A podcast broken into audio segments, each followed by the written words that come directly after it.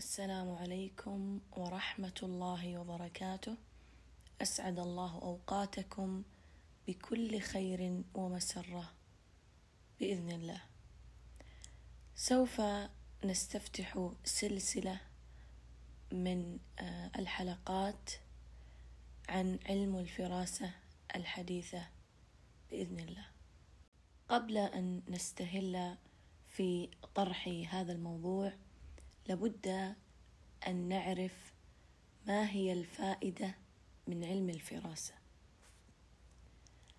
الفائدة أنه يغني عن الذكاء الاجتماعي وكذلك الذكاء العاطفي وكذلك الذكاء التحليلي عند التعامل مع الناس. لأنه غالبا إلى سبعين بالمئة تكون دقة النتائج. والنبي عليه الصلاة والسلام ذكر في هذا الصدد الناس معادن كمعادن الذهب والفضة. خيارهم في الجاهلية خيارهم في الإسلام إذا فقهوا والأرواح جنود مجندة فما تعارف منها ائتلف وما تناكر منها اختلف. كان النبي صلى الله عليه وسلم خبيرا بأحوال بني آدم ومعادنهم من حيث النفاسة والوضاعة والخسة كما كان بصيرا بأحوال القلوب والأرواح التي تسكن بين جوانح الناس. فعلمنا من ذلك كله ما ينفعنا في الدنيا والآخرة.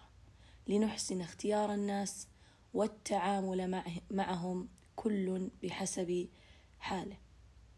وفي هذا الحديث يقول النبي صلى الله عليه وسلم الناس معادن أي أصول مختلفة ما بين نفيس وخسيس. وذكرت أنه يغني عن الذكاء الاجتماعي وذلك لأنه من الوهلة الأولى ومن الملامح الظاهرة تعرف طباع هذا الشخص فبالتالي تعرف طريقة التعامل معه. وأيضا ذكرت أنه يغني عن الذكاء العاطفي لأنه أيضا من خلال الفراسة تستطيع أن تعرف مدى عمق أو سطحية عواطف الشخص الذي أمامك. وذكرت أنه يغني عن الذكاء التحليلي وذلك لأنه من خلال علم الفراسة تستطيع أن تتوقع آه، تحركاته وطبيعة آه، تصرفاته من خلال ظاهر ظاهره.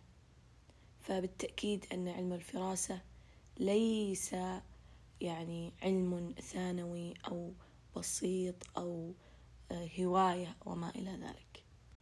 فالآن بإذن الله بعد أن عرفتم الأهمية سوف أخذ بكم جولة آه، يسيرة على علم الفراسة. ولا بد أن تعلمون أن علم الفراسة بحر. ولكن اليوم سوف أركز على علم الفراسة الحديث.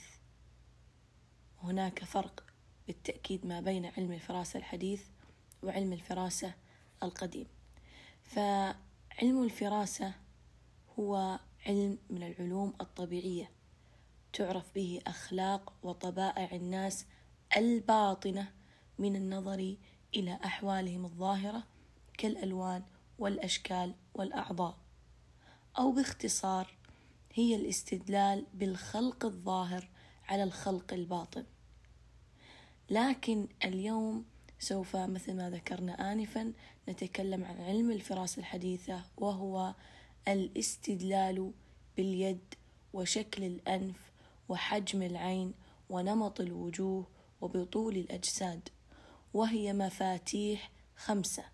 نستدل منها على أكثر من ثلاثة آلاف صفة بعضها ملازمة وبعضها مكتسبة ونحدد فيها مدى وتدرج الصفات علما أن جميع الصفات سواء كانت سلبية أو إيجابية موجودة بالبشر جميعهم ولكن الذي سبب الفرق بين الشخصيات هو إفراز الغدد آه، فيؤدي بذلك إلى شخصية تكون فيها صفات أعلى من الشخصيات الأخرى.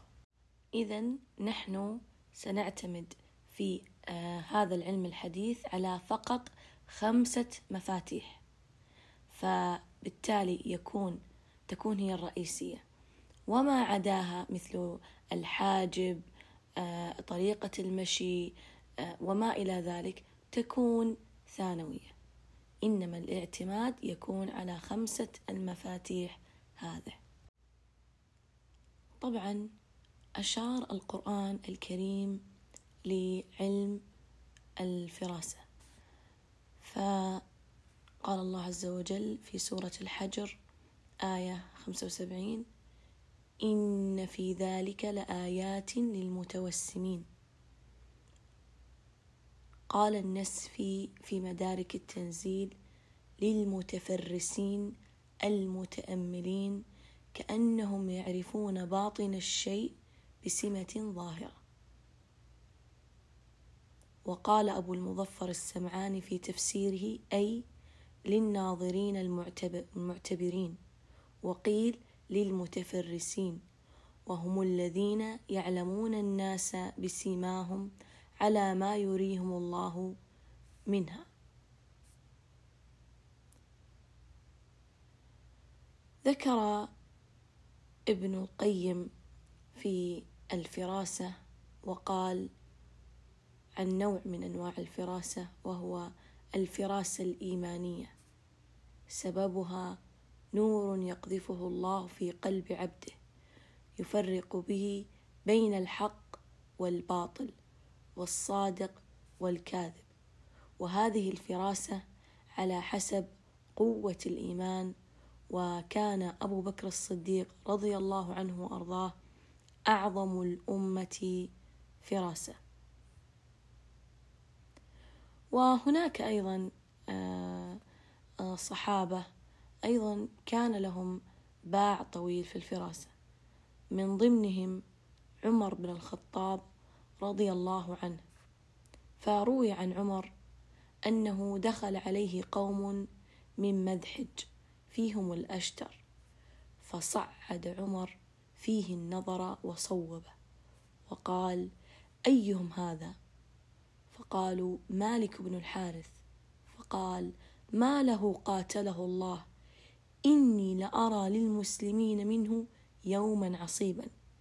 فكان منه في الفتنة ما كان وأرضاهم. ولم يتوقف الأمر عند الصحابة رضي الله عنهم وأرضاهم. بل كذلك كان هناك من الأئمة آه، آه، سواء المتأخرين أو المتقدمين ممن اهتموا بعلم الفراسة. من ضمنهم الإمام الشافعي حيث أنه كان يسافر إلى اليمن في طلب كتب الفراسة وله قصص لا نستطيع أن يعني نذكر منها لا يسعنا الوقت لكن له قصص أيضا في تعاملاته مع الناس بالفراسة. ومن العلماء آه، المعاصرين آه، الشيخ عبد العزيز بن باز. فكان صاحب بصيرة نافذة وفراسة حادة يعرف ذلك جيدا من عاشر الشيخ وخالطه وأخذ العلم على يديه. ومما يؤكد على فراسته أنه يعرف الرجال وينزلهم منازلهم فيعرف الجاد منهم في هدفه ومقصده من الدعاء وطلبة العلم فيكرمهم أشد الإكرام ويقدمهم على من سواهم ويخصهم بمزيد من التقدير ويسأل عنهم وعن أحوالهم دائما. وله فراسة في معرفة رؤساء القبائل والتفريق بين صالحهم وطالحهم. وله فراسة أيضا فيما يعرض عليه من المسائل العويصة والمشكلات العلمية فتجده فيها متأملا متمعنا لها. تقرأ عليه عدة مرات حتى يفك عقدتها ويحل, ويحل مشكلها. وله فراسة أيضا فيما يتعلق بالإجابة عن أسئلة المستفتين فهو دائما يرى الإيجاز ووضوح العبارة ووصول المقصد. فإن كان المستفتي عاميا من أهل البادية وأما إن كان المستفتي طالب علم حريص على الترجيح في المسألة أطال النفس في جوابه مع التعليلات وذكر أقوال أهل العلم وتقديم الأرجح منها وبيان الصواب بعبارات جامعة مانعة. ولا بد أن ننوه أن علم الفراسة لا ينطق إلا بكسر الفاء فلا يصح أن نقول علم الفراسة. لماذا؟ لأن الفرق كبير. فإذا كان بفتح الفاء فهذا يعني انقضاض الأسد على الفريسة. وأما بكسر الفاء فهي آه، التبصر والاستدلال آه، بالظواهر الخارجية لمعرفة الباطن كما ذكرنا آنفا.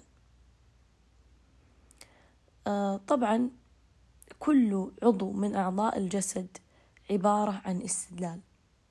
كل عضو من أعضاء الجسد هو عبارة عن دلالات تدل على باطن الشخص. ولكن في الدكتوراه رسالة الدكتوراه عام 2014 للدكتور عصام السلوادي وهي الأولى على مستوى العالم كانت فقط خمسة مفاتيح وهي الأول مزاج اليد وهي عبارة عن خمسة أمزجة والثاني شكل الأنف وهم ثلاثة أنف مثلث أو أنف مفطس أو أنف أفطس. وأما المفتاح الثالث وهو حجم العين فهناك الواسع والمتوسط والضيق والمفتاح الرابع نمط الوجوه وعددها اثنا عشر وجه.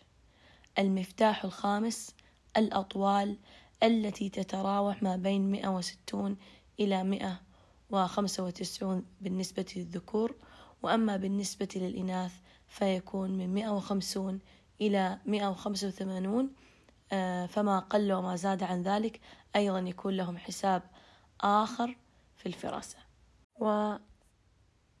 والصفات تستخدم في السلب والإيجاب. فلدينا مثال السكين. نستطيع أن نقطع بها الخضار والفواكه وقد يكون ذات السكين يقتل به نفس آه، معصومة. فيصبح هناك حرام وحلال. فالصفة التي وهبنا الله إياها هي عبارة عن مميزات وهذه المميزات نستطيع أن نستخدمها إيجابا أو سلبا. طبعا آه، قبل أن نستهل باقي الحلقات هناك أمر آه، لابد أن يعرفه دارس علم الفراسة أنه يجب أن يفرق بين علم الفراسة وبين سوء الظن. فالفراسة هو ما توسمته من أخيك بدليل يظهر لك أو شاهد يبدو منه أو علامة تشهدها فيه. فتتفرس من ذلك فيه ولا تنطق به. إن كان سوءا ولا تظهره ولا تحكم عليه ولا تقطع به. فتأثم. مثل ما ذكرنا لكم علم الفراسة قد يخطئ وقد يصيب فهو يصل إلى سبعين بالمئة تقريبا. وأما سوء الظن فهو آه، ما ظننته من سوء يعني الرأي في الشخص الآخر أو لربما يعني حقد أو غيرة أو سوء نية أو خبث حال في الشخص فيرمي به الآخر ويحمل حال أخيه على هذا الأمر الذي يقيسه على نفسه. فهذا هو سوء الظن والإثم. وفي نهاية هذه الحلقة أقول السلام عليكم ورحمة الله وبركاته. ولا تنسونا من صالح دعائكم.